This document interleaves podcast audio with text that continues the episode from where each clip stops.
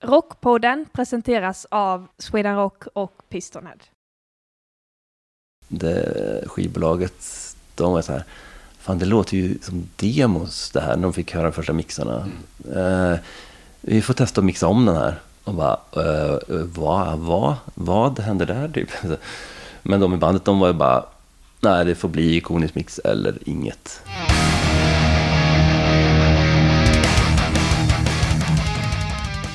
Koni.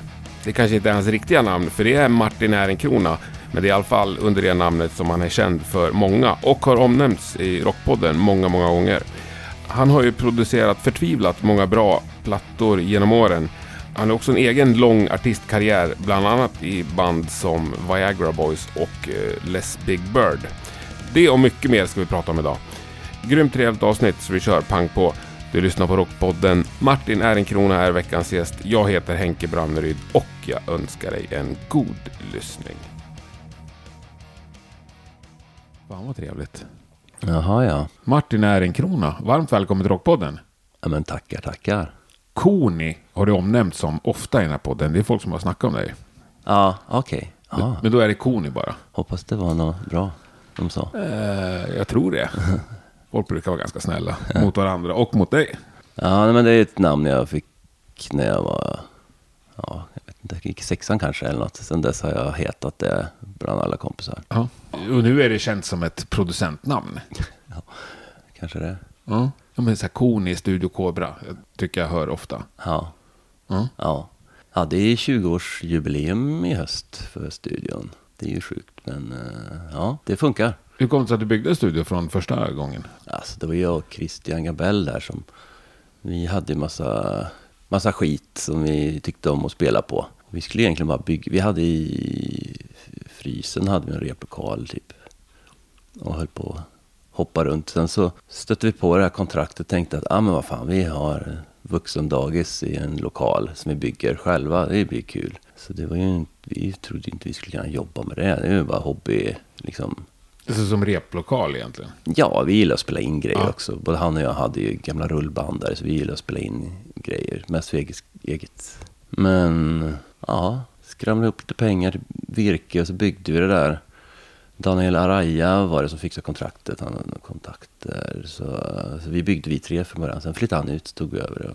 Men det var ju innan vi ens var klara med det där bygget så var det ju något band som fick nys om att det var en ny studio med rullbandare och skit. Ja men det var typ Mastering Street som, som, Mm. som skulle spela in något. Som frågade, ja kan, kan, ni, kan du spela in en platta med oss? Och jag, hade ju, jag var ju helt noob. Men så bara, ja visst, jag har stenkoll så att det är inga problem. så det var ju fake it till you make it där då. Annika Norlin var nog det allra första förresten. Hon var ju, Ändå bra början. Ja, men hon hade ju aldrig varit i en studio. Äh, Okej. Det, hon var ju så nervös och sådär. Och vi med för den del. Men Mm. sen, ja fan, det här var ju kul. Sen så, ja, Men då hade ni liksom ingen tanke på att göra business Nej. av det? nej. Men ni hade vetat att ta betalt tror jag från början? Eller Nej. ni gjorde det bara för kul? Ja, alltså man fick ju några pengar. Men det var ju Mm. liksom till hyran kanske eller så. Så det var ju, det var ju ingen tanke på det. Men sen, ja det, ja, det har ju rullat på sen dess. Ja, 20 Det är år. ju fantastiskt. Ja. Men hade du liksom ett jobb på den tiden som du sa upp dig ifrån så att säga? Alltså, ja, men jag flummar runt ganska mycket. Bara ströjobb, så frilansgrejer och...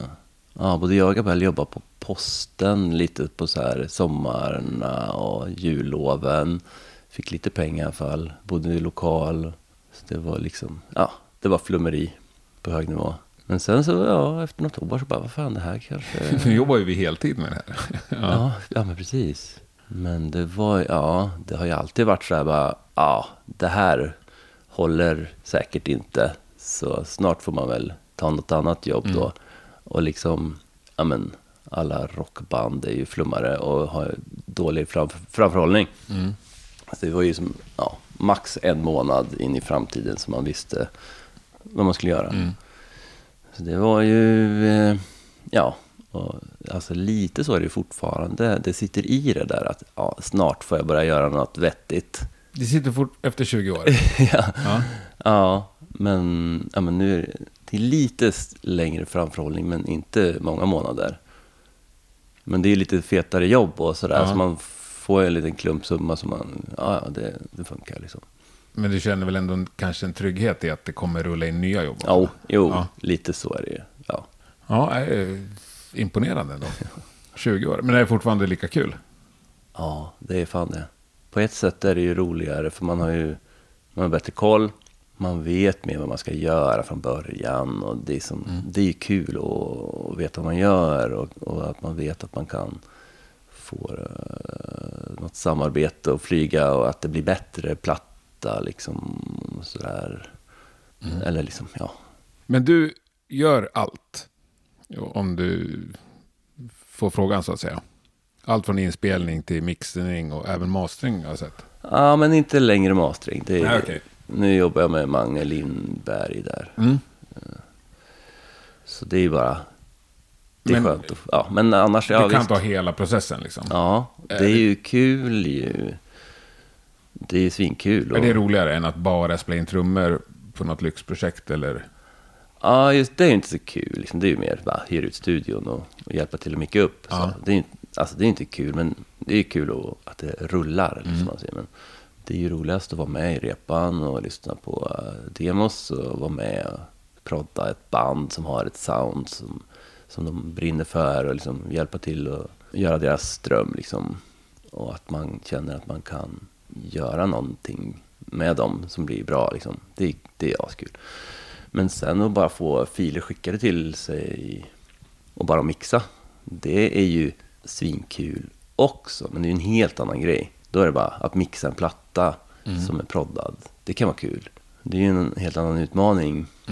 Och så här, men det är ju lärorikt också att så här, åh jävlar vad bastrumman lät surt. Här får man hitta på något, typ. Och så liksom, så kanske man skickar någon liksom, ruff mix och så får man feedback på att helvete vad bra det låter. Det här hade vi inte kunnat tänka att det skulle kunna bli bra typ på det här viset. Men ja, fan kör på. Typ. Då är det ju kul. Men på ett annat sätt. Men de här banden som du säger, man är med i repan och liksom påverkar ett sound och hjälper ett band. Vilka sådana band har du som du tänker på? Som du har varit delaktig på det sättet? Om vi ska namedroppa lite. Ja, vilka kan det vara? Det är så mycket liksom konstigheter man spelar in. Men, ja, men typ så här In Solitude, Mm. ett hårdrocksband.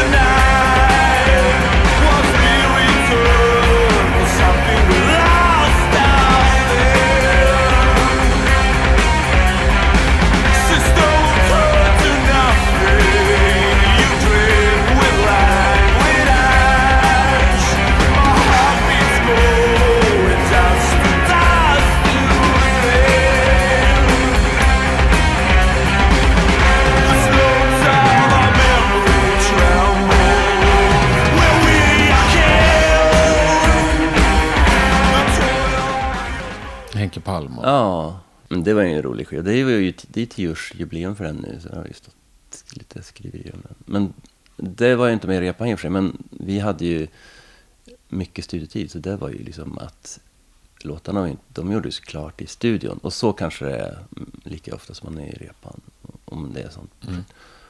Men det var ju som samarbete som man, ja, man bollar och eh, liksom smashar upp något som var oklart liksom. Ja men sådana samarbeten. Min Solitude var ju skitkul. Det blev ju så, det blev så bra. Och man ja, men, influeras av varandra och överträffar sig själv liksom fram och tillbaks från Mm. båda sidor. Eh, och blir utmanad så här. eh, och att det är lite osäkert. Det är det roligaste. När det inte finns så här skitbra demos. Mm. Det, det, det kan vara lite så mindre gött att det finns skitbra demos som de älskar och så bara, ja men så här ska det låta. Så ska man göra en kopia av det igen. Ja, fast lite bättre. Ja. Och då är det så här, ja det här blir svårt om man gillar något. Ja. och så. Men eh, det är ju sådana grejer som är roliga när man när folk vågar eh, låta det hända i en studio. Att man tar det vidare från Mm. demostadiet. Att man säger, ja ah, det här är ju bra men vad, vi, här behöver vi hitta på. Har du något trick där för att få folk att våga göra det? Äh, inget direkt trick. Men det är ju mer om man synkar liksom och snackar. Snackar referenser eller liksom band eller... Ja men bara samarbete. Att, att man snackar ihop sig och bara ser vad som händer. Kanske testar lite olika... Ja, vad det nu kan vara. Allt från man testar något skruvat gitarrsound till att... Bara, ja men fan vi kast, kastar om här lite så det slipper bli så himla linjärt. Vers, Det är refräng, arret, liksom. vers, refräng, Ja. solo, dubbelrefräng. Kanske inte det, utan man hittar på något arr. Och ja, men Viagra Boys var ju bra där. Det var också så första skivan där, Consistence. Det, det var ju lite samma. Det fanns demos som var skitbra, men Sebbe hade inte sjungit kanske i, jag vet inte om han hade varit i en studio ens. Liksom, så. Men Benke var ju, han var ju så bra på att, ja, men att veta vad han inte ville ha. Så här.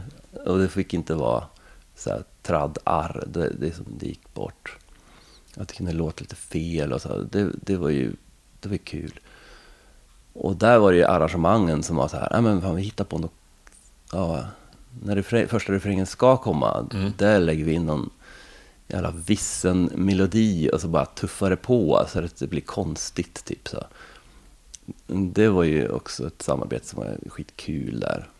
Men du var också med i Viagra Boys. Ja, Var du med då också, på den tiden? Eller de hade gjort två sp- pyttespelningar innan. Och jag blev med liksom vi, precis när vi började spela in. Då blev jag med för det behövdes några syntgrejer. Vi lyssnade mycket på The Fall och så här syntgrejer. Där är lite så vissna och konstiga och lite skeva. Så då var det väl att det blev syntgrejer och då, ja, då blev jag med. Sen så var jag med till sju år. Tills det började gå bra. Då var jag tvungen att hoppa av, av olika skäl. Men de körde väl, ni körde väl ganska hårt de sju åren? Ja, det, Det, var känns mycket. som ett band som turnerade från när de Oh, startade tills ja. fortfarande. Absolut. Ja. Så du hann med några hundra gig med dem? ja, men säkert. Mm. 200. Ja, det var kul. Och det gick ju ganska bra från början. Det var lite sådär gratis hype, eller vad man ska säga. Eh, ja, mycket roliga turnéer och knäppa grejer som hände. Men kan du vara bitter då att du var tvungen att hoppa av? Nej, Blir du glad när du ser dem nu liksom? Eller tänker så här, fan, absolut. Ja. Ja, jag är bara glad. Du blir inte lite sugen att vara med där på Coachella? Ja, nej, ja, fast jag vet inte. Jag, jag tänker inte riktigt så. Det gick inte. Det bara, det gick inte. Ingen av dem hade barn. Jag har barn. Och de, jag hade liksom vikarie ganska mycket sista året jag var med och det, liksom, det blev slitningar åt olika håll och så då var det bara, nej men det, ni får fortsätta. Och, ja, de ville ha någon som kunde Mm.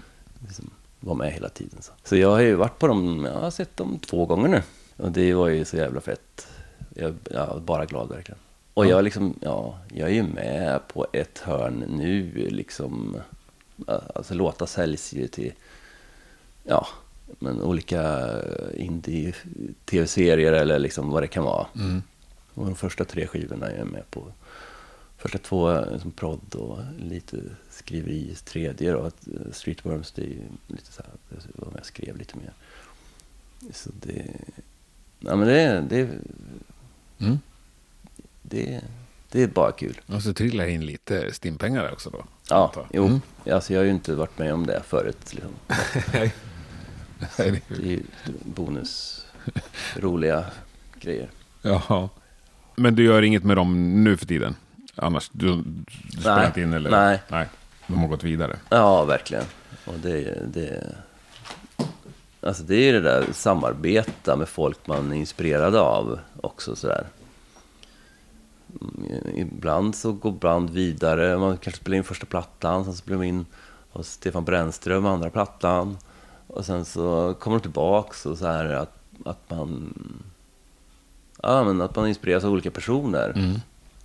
Kan ju vara minst lika viktigt som att vara i en studio. Liksom. Att här, man vill testa något nytt. Och. Mm. Ja, Bryta ser, mönster, det, är, det kan ju bara vara bra. ser man ju många, liksom, även större band, så spelar de in en- någon platta på någon superflashig studio i LA och sen nästa gång då hyr de ett torp i Värmland liksom och spelar in själva. Mm. De har provat sig fram lite. Ja, men precis. Det är ju bara bra, tänker jag. Vissa hittar, hittar ju någon som de bara kör på med och det är ju bara, ja, visst, kör på. Om, ja, men kanske vissa hårdrocksband som har samma sound hela tiden, du vet, eh, Maiden eller något. De Ja. haft, ja. Eh, och de ska ju inte kanske äventyra för mycket, då tappar de ju sina fans. Det är, där är det liksom en, lite mer sådär ortodox kanske. Då kan det funka kanske, men ja. Ja, men du känns ju lite mer experimentell, heter det? Experimentell? Experimentell? Ja, Ja. ja. Ja. Jo, men det, det... Ja, det är jag säkert liksom. ja, men om jag tittar på det som du jobbar med så är det ju mycket ändå som är liksom, har ett visst mått av flummighet eller sånt i sig tycker jag. Ja, men visst, säkert. Ja. Det är kul att höra. Det är svårt att bedöma sig själv så, men det är kul att, eh, ja. Men vi måste namedroppa lite mer grejer du har gjort. Dundertåget. Ja, Och även Thunder Express va? Alla. ja. Allt strängens. Inte hans den sista sologrejen där, det var... Den, den gjorde jag inte. Men den gjorde han hemma på en dator typ. Ja, men precis. Ja. Mm. Ja, men allt innan det. Ja. In i helvete bra skivor allihopa. ja, jag ser den här tavlan på väggen här. Mm. Rock på svenska. Eh, ja, men ja, han var ju grym, grym Ja. på många vis. Du spelar ju också koklocka. och Du har gjort mycket kul i ditt liv, men du spelar ju koklocka på en av bästa rocklåtarna i svensk historia tycker Är det jag. sant? Vilken då? Eh, den enda här som inte är unik. heter den. Alla är till salu och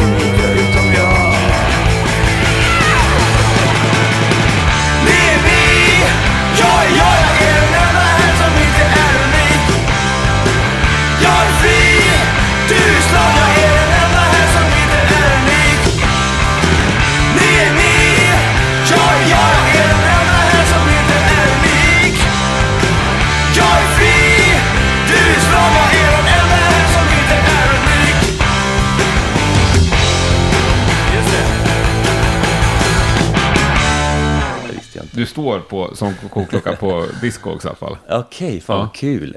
Kul att vara med på Discogs på kokklock. Jaha.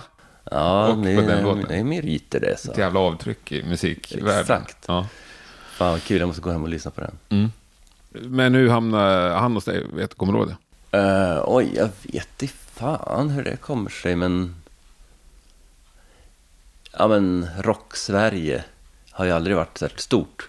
Nej, men jag tänker ändå så här slutet med Hellacopters och så, då var ju de ganska uppstyrda och körde Mm. fin studios. Och... Oh, ja, ja. Nej, men han hade ju ingen budget. Det var ju nog kanske, ja... Var det innan Mastering Street eller var det efter? Alltså, det var i början verkligen. Alltså, Thunder Express, det första, det var ju en liten rullbandare och liksom kontrollrummet var, ja men, stort som ett utedass. Eh, sen har vi ju fått mer rum i studion, men då var det ju, det var verkligen DIY. Men så han hade inga pengar. Det var Razzia Recordings då. Vi gjorde ganska mycket åt dem, för vi kände dem och så här. Så det var ju mer att man kände dem och man hade lärt känna strängen och han bara, ah fan vad coolt, spela in i den här eh, studion så här, liten DIY-style så.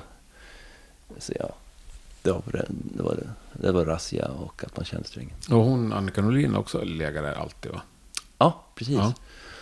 Ja. det var nog det första vi spelade in när vi var total noob och hon med. Eh, hon hade aldrig varit i studio och var sjukt nervös och vi med. Och ja, det var alltså vi spelade in den, jag och Gabell spelade in den på, tillsammans och även Dunder, eller Thunder Express. Eh, sen har vi inte gjort så mycket ihop för att ja, två producenter eller så här, tekniker, det, det, det går inte. Liksom. Men då var det, på den tiden, då, då delade vi på jobben. Så här. Men jag tror inte att producenten på Annika Norlin-skivan, vem det nu var, han var inte i studion en enda gång, vad jag kommer ihåg. Jag vet inte vad det var. Ah, okej. Så vi spelade in allt själva och det, vi, det var ju bara akustiska demos. Mm. Det var ju liksom vi visste ju inte ens vad producent var, eller vi brydde oss inte om sånt. Liksom. Vi, men det var ju så här, ja det ska vara trummor på den här och bas och gitarr. Och, ja men jag spelade all, eller spelade, ja det var någon kontrabasist som var där. Sen spelade jag resten liksom. Gabell spelade trummor och det var flum, flummeri på hög nivå. Men sen så bara, jaha det var en producent på den här skivan, okej. Ja, det var kul. Vem var det? Kul för Ja, han. ja. Typ. Men, men vart, har du liksom, vart går gränsen mellan vara studiotekniker, liksom, inspelningstekniker och producent? Den, det är ju som en, för mig, jag har jobbat mycket med småband, har det varit bara en gråzon som man inte har brytt sig om egentligen. Och eh, ja, men med vissa band då som, som, som har sitt sound, som brinner för. Och så har de skrivit låtarna som de är skitnöjda med. Där kanske man är mer som en, en kreativ tekniker som är med och väljer ljud som de inte har koll på. Och sen så står man som producent på skivan fast man kanske inte har pratat om det. Så var det i början i alla fall. Och ibland så eh, går man in och liksom ändrar i refränger eller liksom kastar om arr och kommer på någon melodi. Fast man inte har pratat om kanske exakt vad man ska vara. Så här, ah, du får spela in oss. Och så liksom så. Och ofta så eh, löser det sig av sig själv liksom. Det är väl ändå en viss, om man ska vara lite så seriös med producent royalty och sånt. Ja, Så helt plötsligt så flyger någonting. jo, ja men visst. Och det är bara, men den här refrängen har ju jag typ Ja. skrivit. Jo, ja visst, så kan det vara. Men håller du på och lägger i sånt då? Se till att du får producent.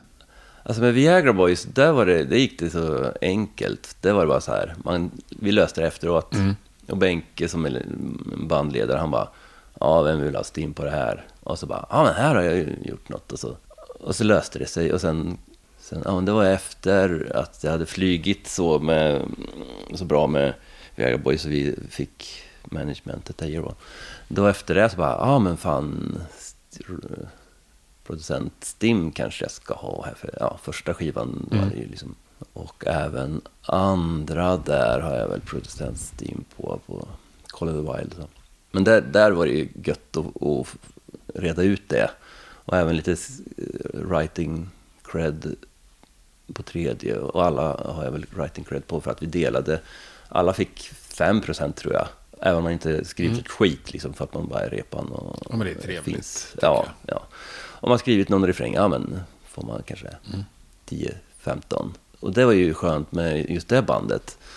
Eftersom det går så bra nu. Men annars, eh, jag har spelat in ganska mycket alternativ musik och då är det, som, det är skitsamma. Och du vet att det aldrig kommer bli några pengar av det så att säga. Ja, eller jag, jag, jag är inte Men samtidigt så kan pengar. ju saker och ting hända Ja, ja, ja, jag borde ju liksom ha det där pappret liggandes på bordet när folk kommer in och så bara, nu ska vi reda ut business innan vi spelar in. Så borde man ju vara, men jag Fast det är också jävligt osexigt liksom. Ja, ja, Dra alltså- ner stämningen direkt. Ja, ja, ja, ja det, det tar bort allt.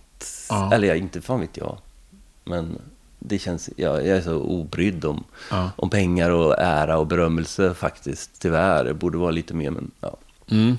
Ja, och det, nu handlar det inte om mig. Det brukar jag säga att jag också är. Men samtidigt blir jag jävligt trött på om du ska tjäna pengar på någonting som jag har gjort. Mm. Så att säga. Jo, ja men visst. Alltså, om båda går noll, då är jag lika glad. Då är det jättekul. Liksom. Ja, ja men det är visst. Nej men lite koll har jag på det där. Men det brukar lösa sig själv. Om man har varit med och liksom, ibland så är det ju så att man blir producent under en inspelning också. Som man kanske inte har pratat om vad man ska vara för producent. En del är ju rädda att ha en producent för de vill ha lite kontroll själva. Oftast när det är så här, första gången man spelar in en platta, då vill man kanske inte ha en producent, för man, vill, man är lite ängslig och man vill göra det själv, ha kontroll och så här. Det lär man sig ju sen. Om man, jag menar ett band som har spelat in några skivor, som fattar att oj, vi kan faktiskt inte allt med produktion. Vi kanske behöver en eh, utomstående som bara eh, kommer in med lite opåverkade öron och hör liksom att, ja, så. Det brukar man fatta efter några skivor. Och då är det liksom bara, ja, ah, du, du ska vara producent. Men eh, när det är så här små band, då kanske man inte pratar om det på samma sätt. Utan, ja, man, man blir det. Och jag menar, eh, ja, men Kajsa Grytt spelade in en skiva med som blev skitbra. Ja, just det. Ja. Och då liksom var det, jag hade inte tid riktigt att vara producent, så jag tackade nej först. Men sen bara, ja men, ja men kan jag inte hyra studion så kan du vara tekniker bara, så proddar jag det själv och kanske ha någon bandmedlem som proddar. Ja, visst, sure. Men där var det ju ganska tidigt, som, ja, eller när vi hade spelat in grunderna, då var det så här, ja, hon fick lite panik, bara, fan kan det inte vara producenten då? Bara, Ja, Okej då, så hoppa in och så fick vi arra om och så skrev jag lite. Och, ja. Och där liksom, hon var ju bara så glad och givmild och fick en massa ja, men, låtskrivare producent, och producent liksom, arvode. Så, här. så där är liksom, ja, folk som är grymma, de, de styr upp det där när man märker att man har gjort mycket. Så.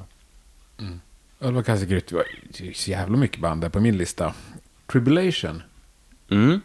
Vad har du för inblandning där? För visst var du med på Down Below? Ja, men exakt. Ja. Ja, Svingrym platta. ja men det blir bra.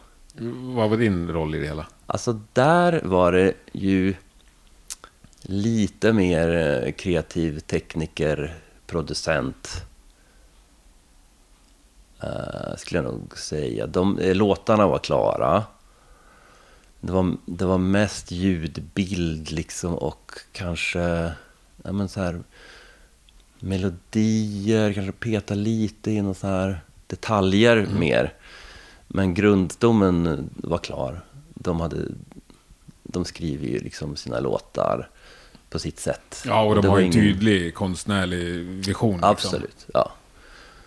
Så där var det liksom inte som in Solitude, som, där vi liksom ja, bolla idéer och var inne i någon slags bromance-bubbla som ledde till det ena och det andra. Utan där var det lite mer uppstyrt, de visste vad de ville ha. Och de visste kanske vad de ville ha av mig också. Mm. Så de, det, var, det var mer, det var som... De vann väl en Grammis för den? Mm? Så du är också Grammy Ja, visst. Award-winning producer. Ja, det var sjukt på den här Grammis-galan. För jag nominerad med både Big Bird och Viagra Boys.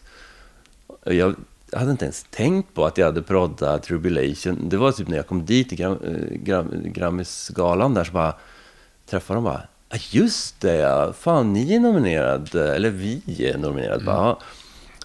Och så vann ju inte Viagra Boys eller Big Bird, utan de vann. Och då bara jag hade inte pratat med dem bara. Och så var eh, Hank von Helvete där och var Ja. eh, konferenser, eller nominerade dem så här. Så då bara, helvete, så bara, då bara sp- sprang jag upp fast jag visste inte, det var så konstigt. Bara, ska, va, ska jag gå upp eller? Va? Eh, Och då bara, äh, skitsamma, det var kul att hänga med dem på scen. Och så Ja. sprang jag upp och så var det bara jättekul, men bara så här konstigt att inte ha snackat innan. Liksom.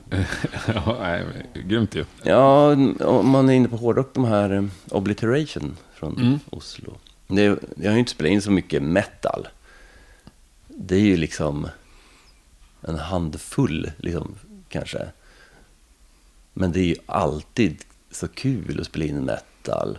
Jag får ju också sådana band som jag är lite bekant med, eller som man så här, jag har ju gillat så här, black metal och death metal sen liksom tidigt 90-tal. Köpte varenda black metal-platta från Norge mellan 91 och 96. Sen tappade jag lite. Men så, det har ju blivit att jag får band som man, man har så liksom, gemensam historia med kanske. Eller så här, känner lite. Men de vann ju också norska vad är det, Spelemanspriser eller vad det är som Mm. är norska Grammis eller vad det var. Som också är lite otippat. Men det var, det var en rolig skiva, den är skitbra.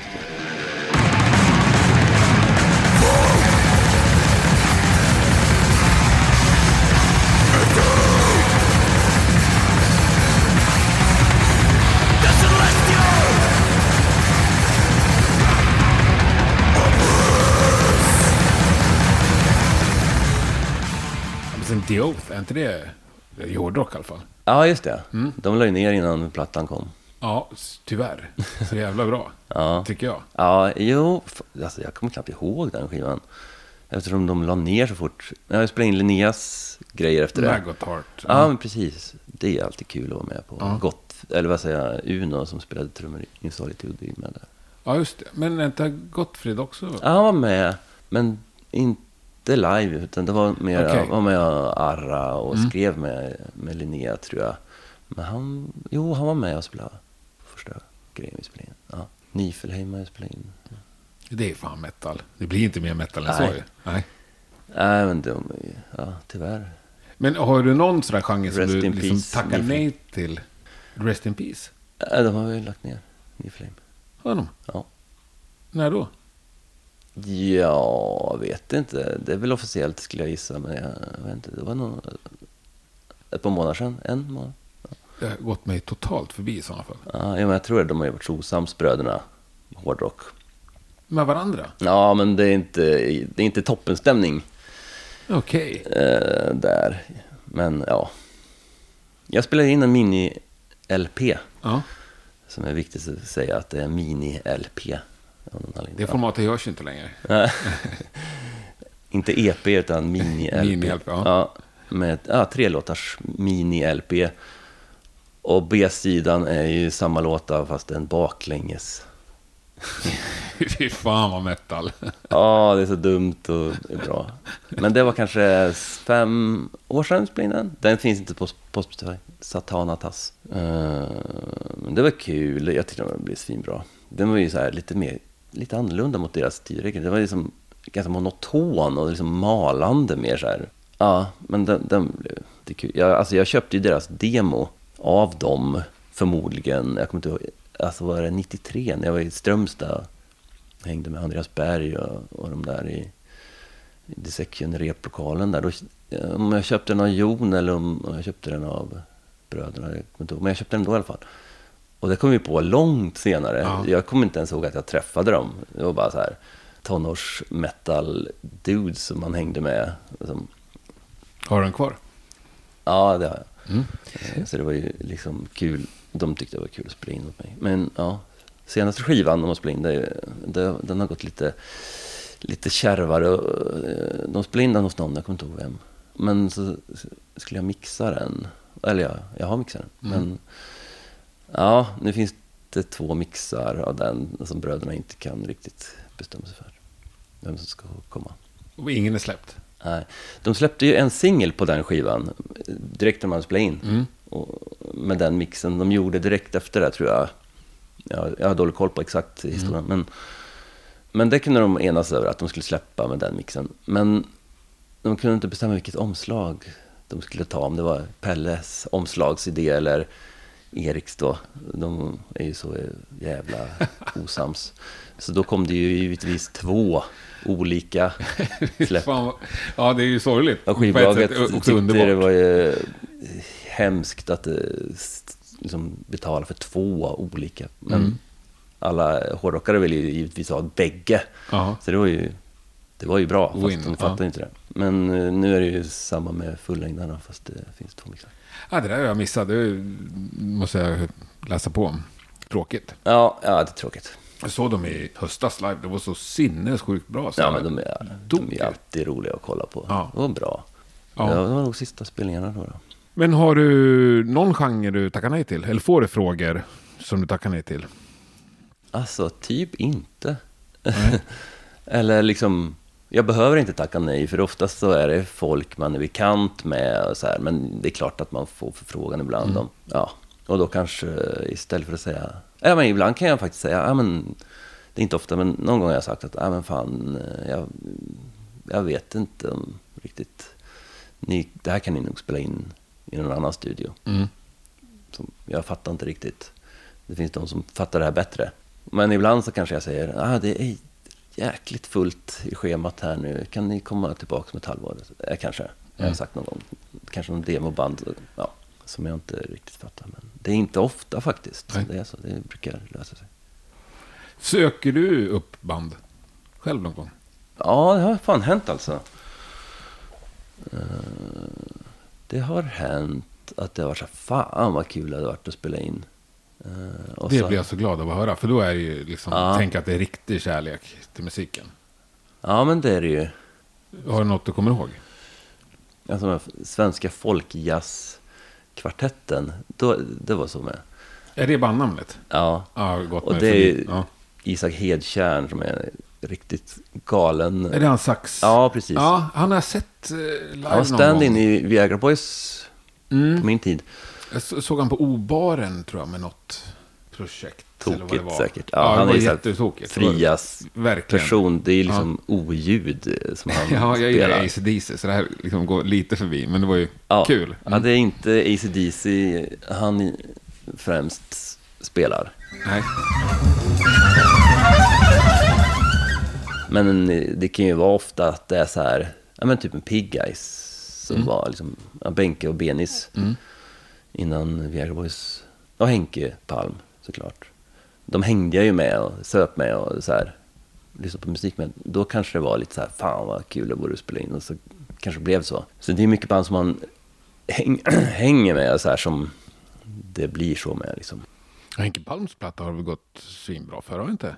Ja, hans plattor. Plattor, jag, tänk, ja, jag tänkte mest på den senaste. Men när jag Ja, underground-spridning över hela världen. Liksom. Ja. Och med Iggy Pop-prylarna. Och Ja men ja. Så jävla kul. Ja, ja men han är ju, han är ju geni på Ja. mycket. Och han är medlem i Viagra Boys nu, va? I alla fall med och turnerar. Han är, nej, jag tror att han är bara turné. Turné. De har gitarrist. två gitarrister Ja. han som de varvar med lite beroende på. Jag såg han få med på lite bandbilder i alla fall. Ja, Ja. jo, men så, så kan det vara. Ja, ja det var kul. Det, det, var, det är kul att han är med där. Nej, men jag spelade in hans två första. Nu har de på med en tredje. Den, den är jag inte med på, men de två första har jag ju... Vet du varför du inte är med på den här tredje? Nej. Nej. Nej, men det är ju alltså, han har spelat in Ingrid, och så här, han har lite mer pengar nu också. Alltså, Ja. Det är väl också samma där. Samarbeten, eh, som man blir influerad av olika, alltså han har ju spelat in, förutom Ghost så har han väl spelat in allt han har gjort i min studio. Mm. Han har ju varit stamkund. Södra Sverige eh, där, och hans egna soloplattor. Um, Pig Guys och vad fan är det mer? Ja, In Solitude. Så det är ju liksom, herregud, han är nött ut soffor i studion. Ja. Ja, Ja, ja, då kan han få prova något nytt. ja, ja. ja. Men du, Les Big Bird. Säger man Les för övrigt? Eller Lö? Man får säga vad man vill. Som svensk så säger man kanske less Big Bird eftersom man är sämst på franska. Där har du också varit med jättelänge, Mm. men inte längre. Nej, Nej. Samma anledning hoppa av det eller som Viagra Boys? alltså inte riktigt. Jag var ju med i 11 år. Mm. Typ inte riktigt från starten. Man släppt någon singel innan. Jag hade hållit på ett år. Men vi spelade in första EPn där, då blev jag med. 2010 kanske. Så 11 år i rockens tjänst. Det, det är ändå bra. Jag borde få guldklocka. Absolut. Men det var ju lite mer Jockes band. Mm. Det, det är någon EP vi har spelat in som vi andra med och skriver på. Men det är lite mer Jockes band. Så det var ju inte så... Där hoppade jag av lite mer för att jag... Ja, jag var trött på att turnera och så ville jag ha lite tid till mina egna grejer. Och... Ja, men som sagt, det, det är ju lite mer Jockes band. Ibland kunde det komma en singel som eh, någon polare bara ah, fan jag hörde nya singeln där som ska komma om några veckor. Fan vad bra. Okej, vilken låt är det? Typ så här. Okej, han kör sitt eget race lite. Ja men det är ju ett band, Ja. men det är ju han som är liksom bandet kan man säga. Mm. Men det var ju jättekul alltså. Det är ju skitbra band tycker jag på allt Mm. sätt. Och vi har haft så kul ihop och älskar Jocke och alla, alla i bandet. Men du har varit med och spelat in några grejer också? Ja, alltså. Ja, men typ allt har jag väl spelat in. Eh, I alla fall, liksom, det brukar ju vara att vi spelar in trummor och live, eh, liksom, eh, biten i min studio. Eh, och sen så fortsätter Jocke med pålägg och sång och mixar i sin studio. Det har varit skitkul samarbete. så.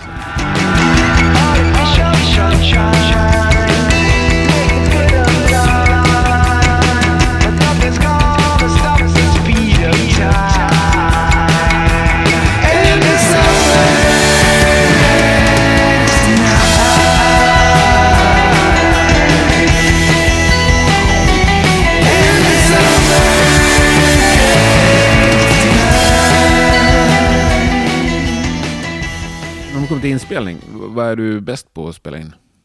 K-klocka, tror jag nog. SM57 ja. Ja, och K-klocka. ja. Mm. Den mickpreampen som SM57 redan sitter i. Mm. Ja. Nej, men annars liksom trummor, gitarr, vad, vad är roligast? Liksom, vad nördar du ner dig mest på? Ja, alltså.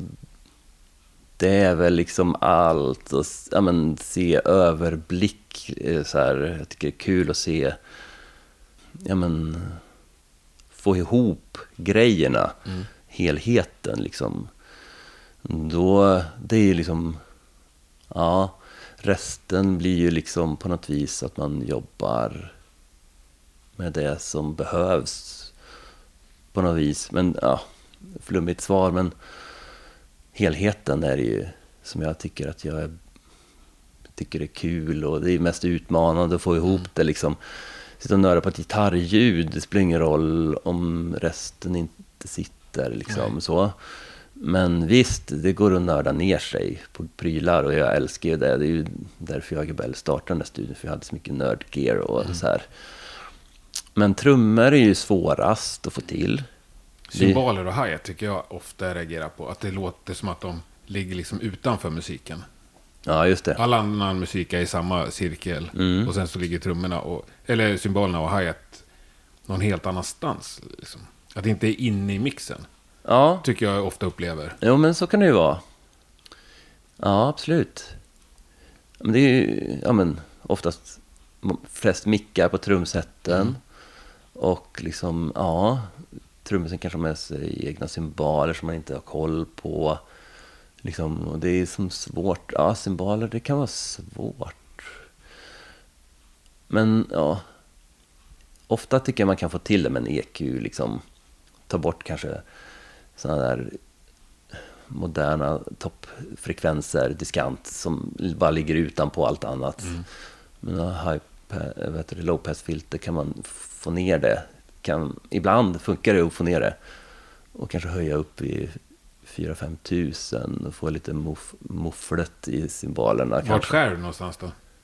Jag vet inte exakt, men kanske ovanför 12 000 eller jag vet inte. Liksom. Man bara slänger upp en EQ och rullar ner och tills det låter bra kanske. Men hur, hur teknikintresserad är du?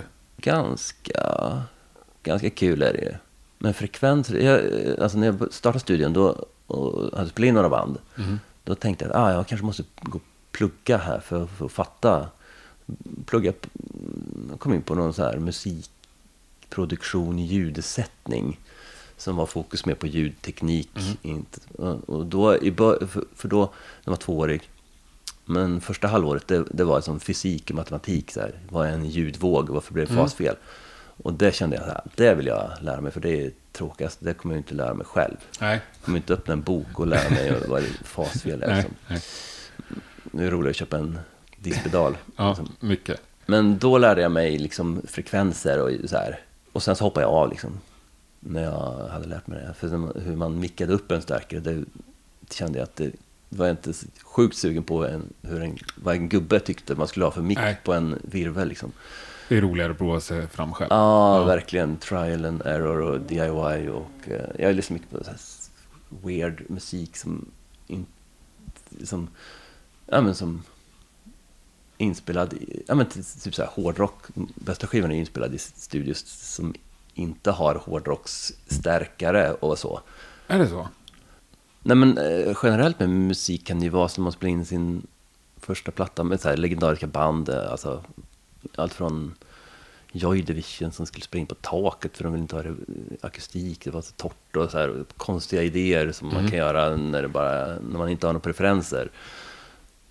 Men jag tror både så här Nifelheim och In Solitude, hårdrocksplattor, mm.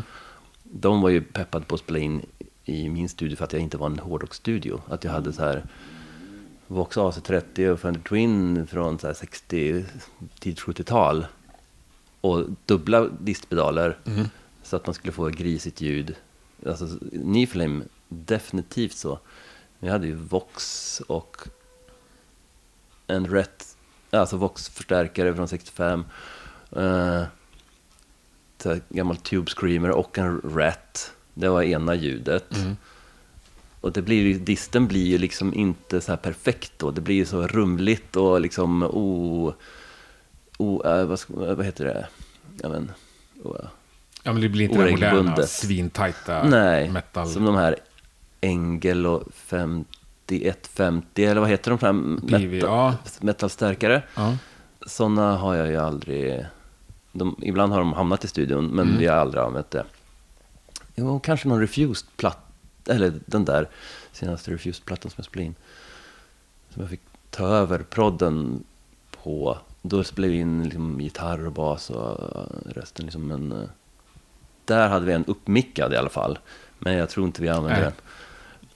Men eh, nu flög jag från ämnet här, eh, teknik och eh, ja, ja men det är ju, ja, ja men min, när jag började plugga där att jag bara lärde mig, eh, jag ville bara lära mig det tråkiga frekvensgrejerna, resten vill jag hitta själv sådär eftersom man lyssnar på plattor som inte har kanske konventionella traditionella ljudbilder alltid.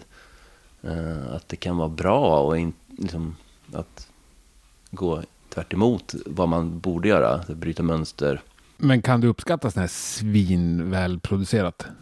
Ja, det kan jag. Mm. Verkligen. Alltså, Ghost, typ.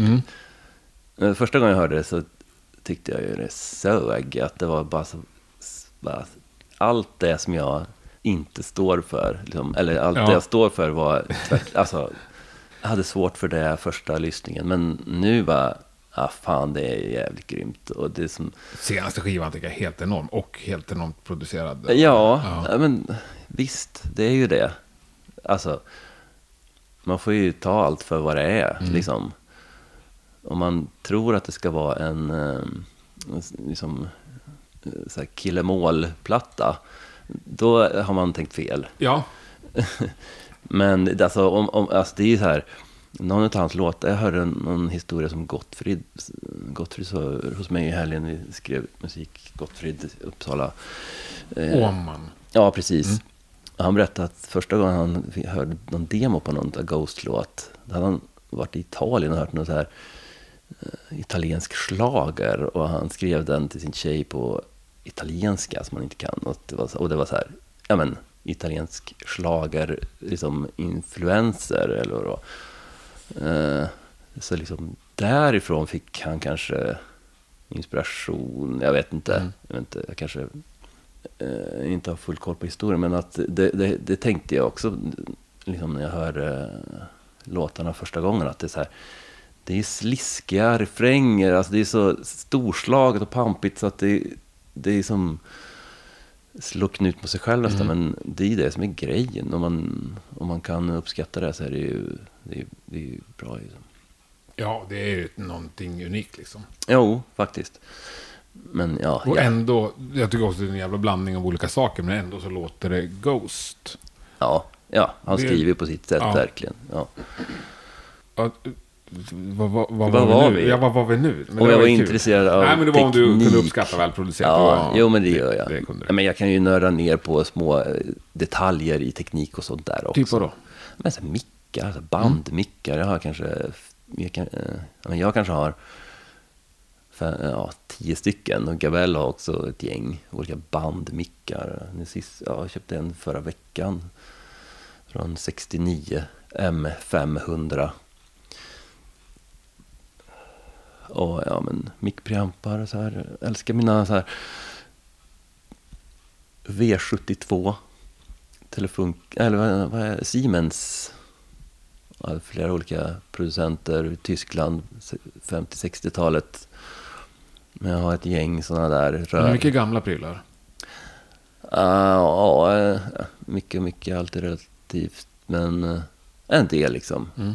Men provar du liksom nya mickar när det kommer ut på marknaden? Så här? Nej, det gör jag nog Nej. inte. Nej. Ja, men jag har inte köpt särskilt många nya mickar. Kanske någon så här 421, liksom, eh, som inte hände så mycket med genom åren. Eller SM57 år eh, händer inte så mycket med. Och det, det kan vara gött med nya mickar när det är sådana där bruksmickar. Jag har några rödmickar. Jag köpte nya när jag byggde studion. Sådana här rörmickar mickar, vad kan NTK, som jag tycker är skitgrymma. Om man har i en gammal mic preamp. Så är vissa kombinationer är bara så här, man hittar sina, sin, sina sweet spottar på eh, kombinationer. Och jag har ett gammalt mixerbord från, ja, ja, kan det vara 79-80 någonstans. Som du använder Ja, hela tiden. Alltså, Ja, då har jag, liksom, om jag spelar in, jag spelar in mycket så live i studion. Mm. Liksom slasksång. Och då har jag alltid så här puker på det, för det distar så gött. Det är så lågt headroom. Liksom att man har alltid strävat efter att ha he- högt headroom. Mm. Att, att distnivån är högt, så det är bara rent och fint. Men på det, ju äldre grejer, desto lägre är ju distnivån liksom. Men det gör ju också att när det distar så distar det lite när det börjar dista. Och så mer, distar det mer och mer, som en di- distpedal typ. Men nya mickpreampar, då har man ju kommit ifrån dist och brusnivån. Så när det väl börjar dista, då bara knastrar det till. Då och är det gött, liksom. olyssningsbart. Ja, det är Ja. inte gött. Nej. Men så gamla grejer är ju bra om man vill att det ska hända lite som puker, tycker jag alltid är gött att det ska dista lite. Även om man inte hör dist, men att det blir någon slags kompression och övertonerna och de här lju- ljusaste frekvenserna. De mattas ner och så blir det någon slags lägre övertoner på något vis på puker. Så här, som det gamla mixerbordet jag har är skitbra tror jag. Och, men sen vill man ju ha rent ibland på vissa, ja men kanske, ja inte vet jag, vissa grejer. Om man har en gitarrstärkare som låter svinbra, då kanske man inte vill att det ska hända något sen i signalkedjan. Nej, precis. Du vill att det har det ljudet så Ja, som den låter. ja, då är det så här API eller NIV som vi har liksom, som är bra till. Och de filtren är ju så här. Kan ju hända något uppe i diskanten som bara lyfter fram på ett gött sätt. Bara levererar skarp diskant liksom på ett bra sätt där uppe med så här, ja, NIV eller API. Ja, jag, jag sitter och nickar, men jag fattar ju hälften av vad du säger. Men jag vet att det finns folk som älskar att höra Ja, kunniga människor ja, ja, prata om sånt här. Ja, men nu Och bara... jag älskar det också, även fast jag inte riktigt är Nu, med. nu bara kickade du igång mig och så bara underbart. eh, går man igång. Men har du någonsin producerat i någon annan studio? Liksom blivit influgen som... Ja, ja. det är ju svinkul och lite så läskigt. Då får man ju bli tvingad till att bryta mönster och bara, okej, nu får man eh, lyssna här. Vad tar du med dig för grejer då? I producentväskan?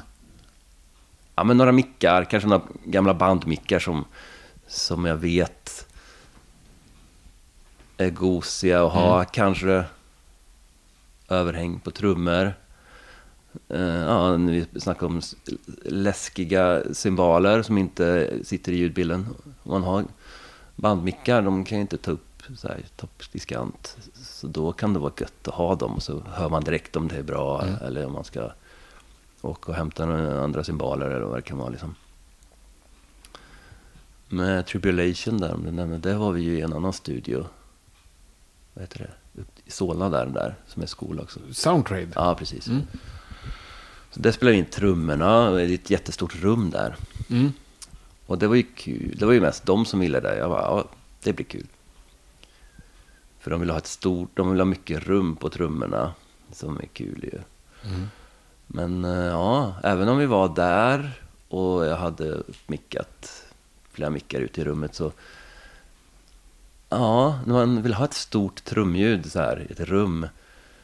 Det ska vara ett ganska stort rum för att det ska bli gött. Så jag fick ändå göra så som jag gör när jag mixar trummor som inspelar i min studio. Mm. Som ett ganska litet rum. Då har jag dämpat upp så det är helt torrt, för det är ändå ingen bra akustik där i mitt, vårt rum. Och då får man liksom fuska till sig rumsakustik. Och det är ganska lätt nu för tiden. Dels så har jag ett fjäderreverb, en kan man ha delay och sen så ja, plug-in reverb som man har ställt in liksom. Men så eh, det trumljudet var nog nästan mest ändå så jag brukar fejka Ja, okej, ja. trumljud för att Mm. det behövdes. Så du hade lika gärna knort det hos dig? Ja, men det är mycket annat också. Att Ja. de var inspirerade s- lyxa till i ett stort jävla Ja. trumrum. Men den är ju ganska lyxig den studion. Ja, det är stort. Och så är. Abba spelade in där och Europe och Ja, massa det. där. Ja. Nivbord Ja. och så här. Även om det var ganska sämst. Man fick så här, det låg en ask med tandpetare. Det glappade ju så mycket.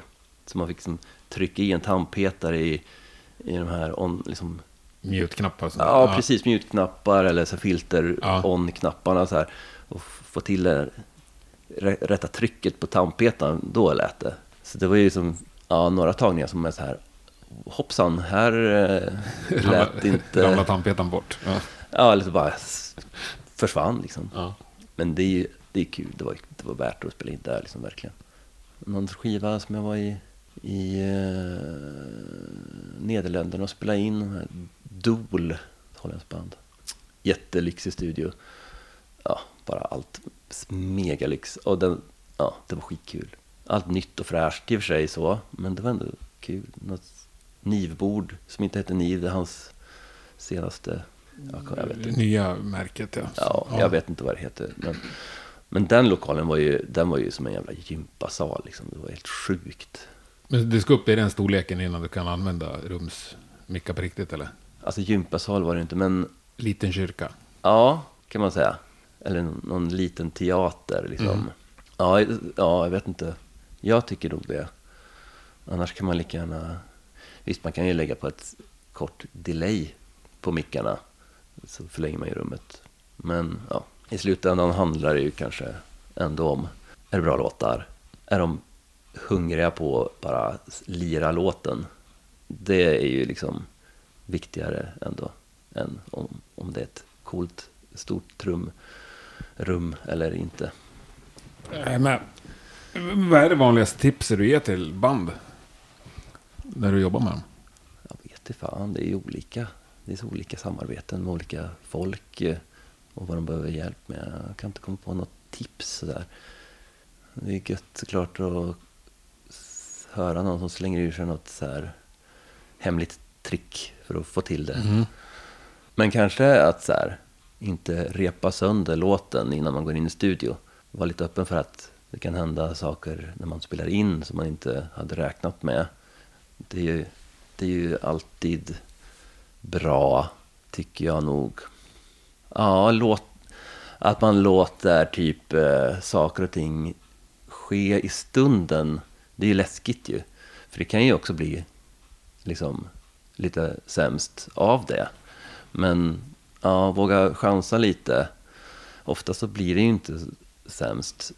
Eh, utan man kanske kan ta vara på vissa situationer som uppstår. Eh, Jag lyssnar på några, jag brukar inte lyssna så mycket på poddar som handlar om mu- musik och ljudteknik. Jag vet inte varför, jag bara glömmer bort att lyssna på det. Men eh, så jag lyssnar på där Rick Rubin och två andra producenter satt och snackade om musikproduktion, vad som, vad som är, ja men olika situationer och så här. Och det var en grej som de sa som jag kände, verkligen kände igen mig i, som bara ja, där satt de ord, ord på, på det här. Och det var att, ja men det var just det, eh, liksom, de tyckte de bästa produktionerna de hade gjort, det var när de började spela in och sen så kommer de till ett vägskäl där de märker att fan här, fan det låter inte jättebra.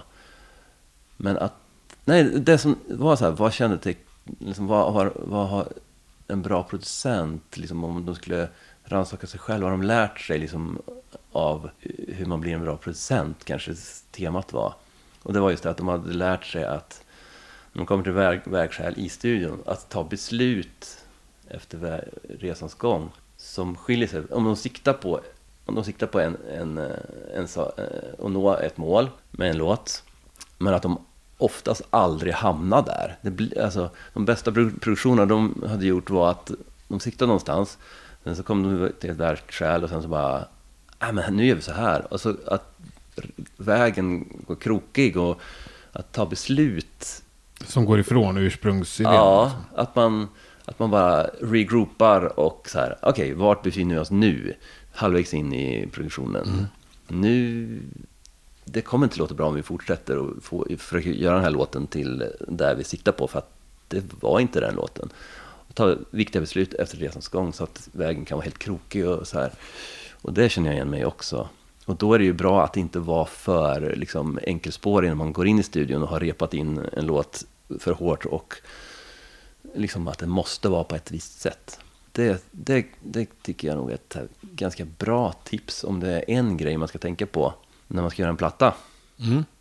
Nu bara zon, zonar du ut här och börjar tänka. Nej, fan. Jag, jag, jag, jag, brukar ofta säga till band att jag tycker de ska repa mer.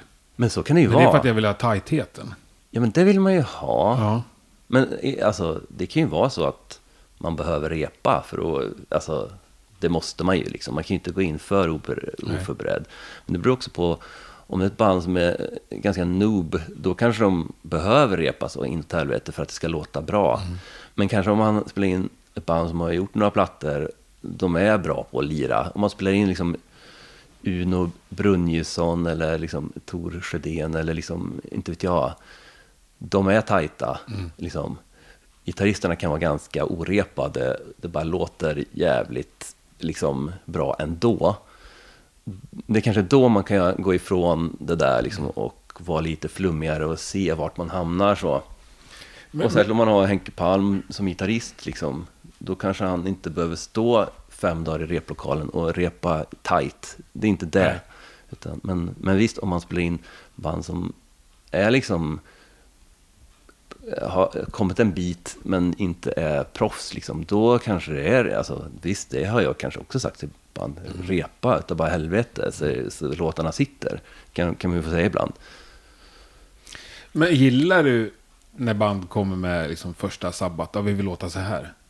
Eller är det roligare att säga att ta oss dit du vill, så att säga?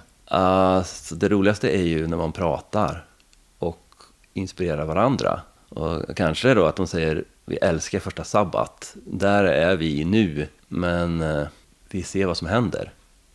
Det är kul. Och så har jag liksom massa skivor och en skivspelare i studion, ett rum liksom. Och så kan man dricka lite folköl och lyssna på någon platta. Så bara, ja, vi vill låta Sabbat första skivan. Ja, och så snackar man och så bara, åh helvete, vi har inte hört uh, Killing Joke, The Wait förut. Det här var ju typ hur bra musik som helst. Och så kanske man kan bidra med att så här, de upptäcker saker. Eh, om man spelar in Henke Palm så har man ju hört allt ändå. Men eh, liksom, det finns alltid något band som, som no, de inte har hört kanske. Har du några sådana go-to-plattor liksom, som du ofta tar fram då? Om du ska... Alltså ett tag var det ju kanske Captain Beefheart som, som ja, men Safe as Milk, typ den plattan. Det är ju bara hits, men det är ju helt weird musik. Det låter skitcoolt och, och det är liksom... Soundet är ju dåtidens liksom coola konventionella 60-talssound, men låtarna är ju jävligt flippade och skitbra. Det jag kommer ihåg var ett tag som var mycket så här, eh, om man behövde inspiration, bara, ja men lyssna på den här låten då, den är ju svinbra, men det är ju inte liksom va- en vanlig konventionell låt. Men ändå så kan man bara dyrka det där.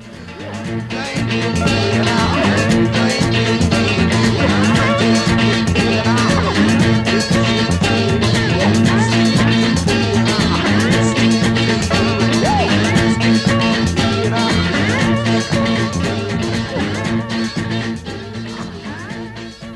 Man där och snacka då är det som...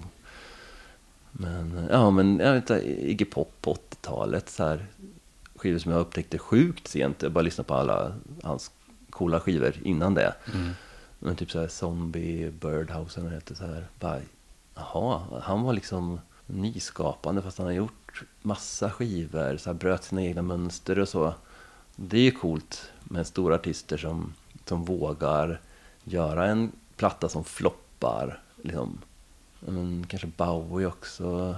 Ja, men Black Sabbath, jag menar 80-talsskivorna. Alltså, jag har lyssnat, jag, senaste tio åren har jag nog lyssnat på, på dem mer än liksom 70-talsplattorna. Bara för att ah, det, det kan ju vara så jävla dåligt. Och bara, vad händer här? Liksom, bara, och de, de försökte bara med alla medel att göra hits liksom, som sålde. Liksom, och det gick inte och det, bara, det blir sämre och sämre. Fast den så jävla bra ändå.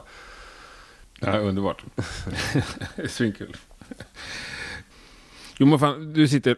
Jag tänker mig att du ofta sitter i studion och känner så här, fy fan vad det här är bra. Du spelar in saker. Ja, det Brukar händer. det liksom stämma överens med utfallet? Ehm, Om du känner så här, det här är en riktig jävla hit. alltså ibland och ibland inte. Mm. Alltså... eh, Vilken är den mest streamade låt du har spelat in? Ja, alltså om man säger det finns ju ett bra exempel på den mest streamade låten och som jag har tjänat mest pengar på. Men när vi spelade in den så var det bara så här. Ja, vi går på lunchrast, kan inte du sätta dig och göra en jävla refräng till den här låten som är lite filler? Och sen så var det den som blev givetvis. Vilken är det? Ja men det var den här Sports med, Ja. med Viagra Boys.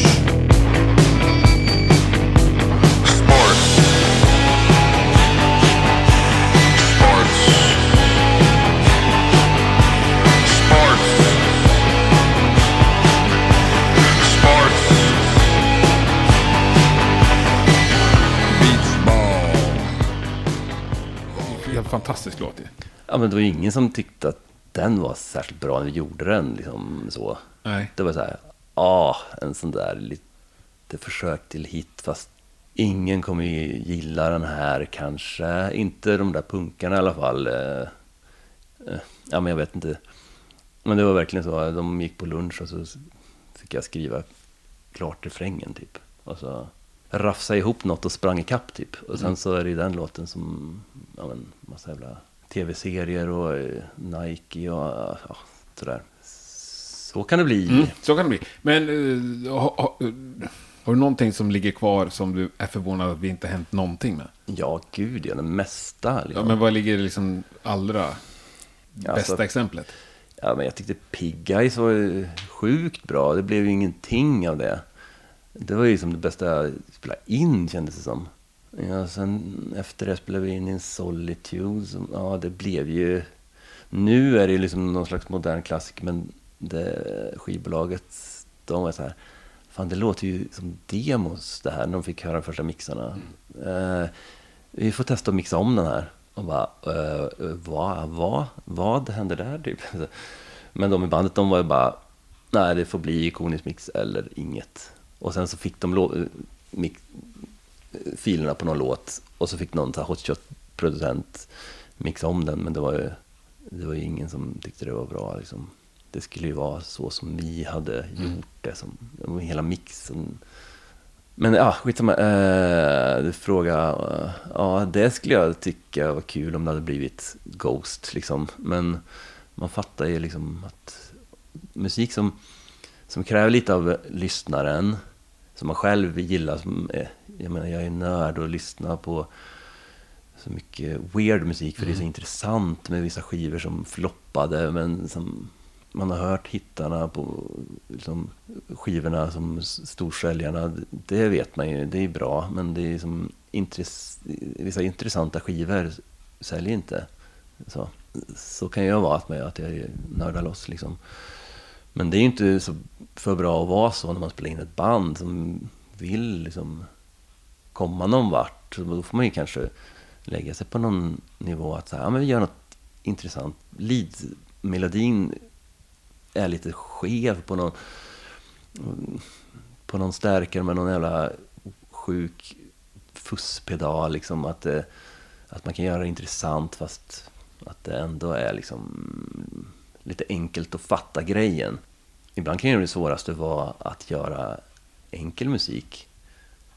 Liksom. Det kan jag tänka mig svinsvårt. Alltså att göra en enkel liksom, hook Mm. på refrängen och att det inte blir lökigt. Men att det är bara bra. Liksom. Mm. Enkelt, enkelhet kan ju vara det svåra. Det är lättare att göra liksom, mäckig mm, metal och få det att låta så här intressant. Men liksom göra en enkel melodi. Liksom, oftast är ju bandet förbi det där enkla. Att man får som gå tillbaks några steg och zooma ut och bara hmm, vart, vad ville vi ha liksom. Det kan vara svårt. Enkelhet. Verkligen. Men jävligt bra när det är bra. Mm. Ja, men det var... Det, vad var Pig Eyes då? Ska vi säga att det är, är det ditt Sveriges mest underskattade band? Svar. just nu så kan jag tänka att eh, det är det.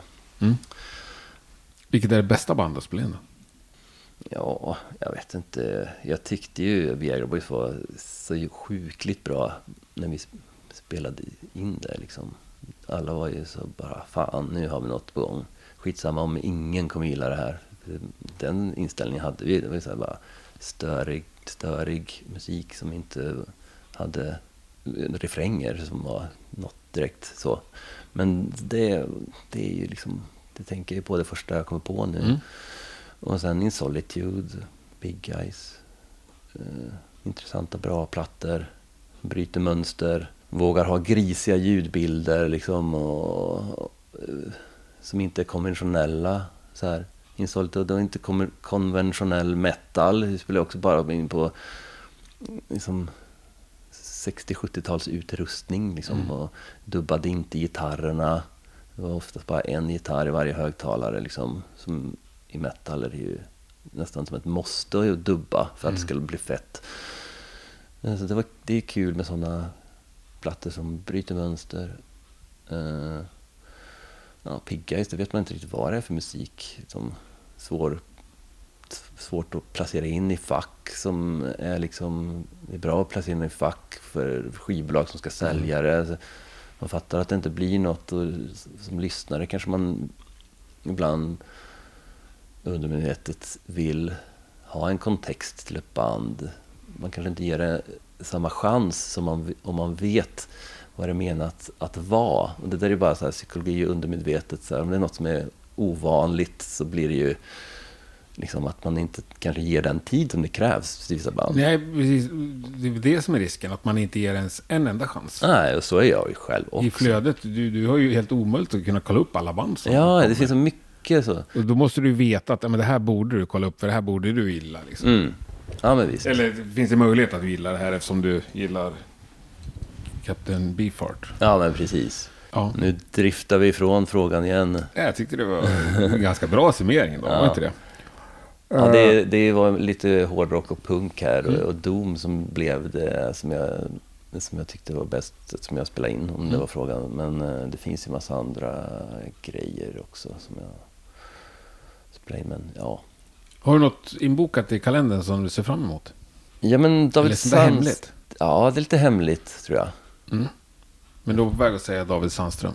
Ja, just det, jag försade mig. Mm. Tror- Refused-trummisen. Ja, precis. Eh, Jag har lite två olika grejer på gång. Bland annat hans metalband som han har haft ja, men lika länge som Refused. Men det är bara, han har bara gjort massa demos. Så ska Mm. vi, ja, jag ska hem imorgon och ska vi ses i Kobran och dricka några öl och lyssna på musik och han, lyssna på hans demos och se vad, vart vi hamnar. Och så ska Ja, vad han ha band till det kanske. Men, ja, det här kanske... Jag kanske, kanske inte ska säga det här men... Ja, Nu sa du det. ja. Mm. Det ska bli kul. Han är en rolig person och kompis och så här. Han, han, han, Jävligt bra trummis. Ja, det är han ju såklart. Och han har galna idéer. Och han, han tyckte det var bli kul att jobba med, med mig. Han sa att finns ingen som kommer göra det här eh, bättre än dig. Och då blir man glad. Fast jag tycker säkert att det finns tusen. Men man blir glad ibland när folk säger så. Ska ta åt sig av beröm. Jaha, ja. Mm. Det är man inte bäst på, men det blir kul. Och sen är det någon te- teaterföreställning i höst som Fanny Risberg har något musikaliskt projekt som hon vill ha med mig på. Du kör du live-ljud alltså?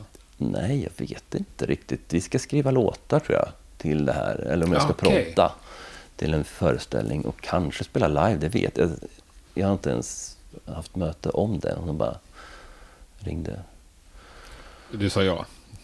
Ja, Ja. jag hon är också en polare. Så det, det, kommer, säkert- det Mm. kommer bli kul, liksom, oavsett vad det är. De två grejerna blir väl kul. Vad är det för band jag har då? Ja, jag vet inte riktigt. Det är lite olika grejer. Mm. Men låter ändå ganska spännande Ja, framåt. ja. två roliga grejer. Ja. Ja. Underbart. Sjukt trevligt att träffa dig. men detsamma. Kul att se din, eh, din, ditt spelställe här ute, Ja, ladan. du har ju, vi har ju varit där och kikat. Jävla Det har ju mäktigt. snackats om det en del, men det är inte så många som har varit där på riktigt. Nej, det Nej. blir mäktigt. Sjukt kul. Det här hade man velat spelat. Jag har ju bara konstigheter på gång som inte kommer passa där. Jag har något konstigt elektroniskt band nu som jag har ägnat tid åt. Det blir techno i ladan istället för dina det- rock and roll bands. Alltså det är konstigt tänker jag kommer passa där. ja, vi får Ja, se då. du är varmt välkommen Ja. nästa gång.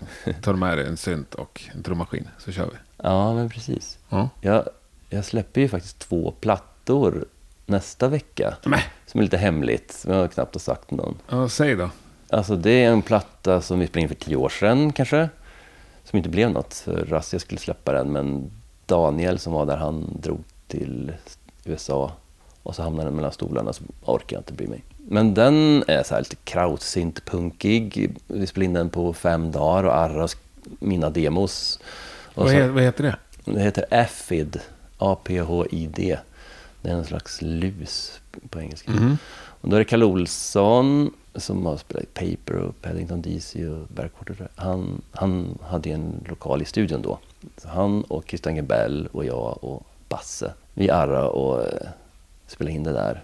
Så det ska jag släppa. Gebell har en låt med och Kalle har en låt med.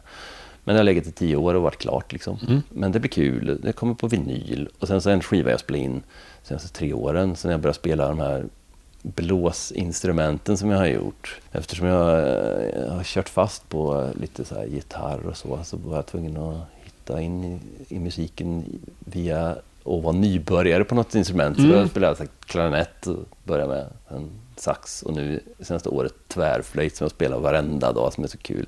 Fan vad roligt. Eh, ja, men då är det en skiva jag spelar in som är lite så live-improvisationer. Och så är det en kille som heter Marcus Lindmark. Han spelade ett band som heter Hip Whips förr i tiden. Okej.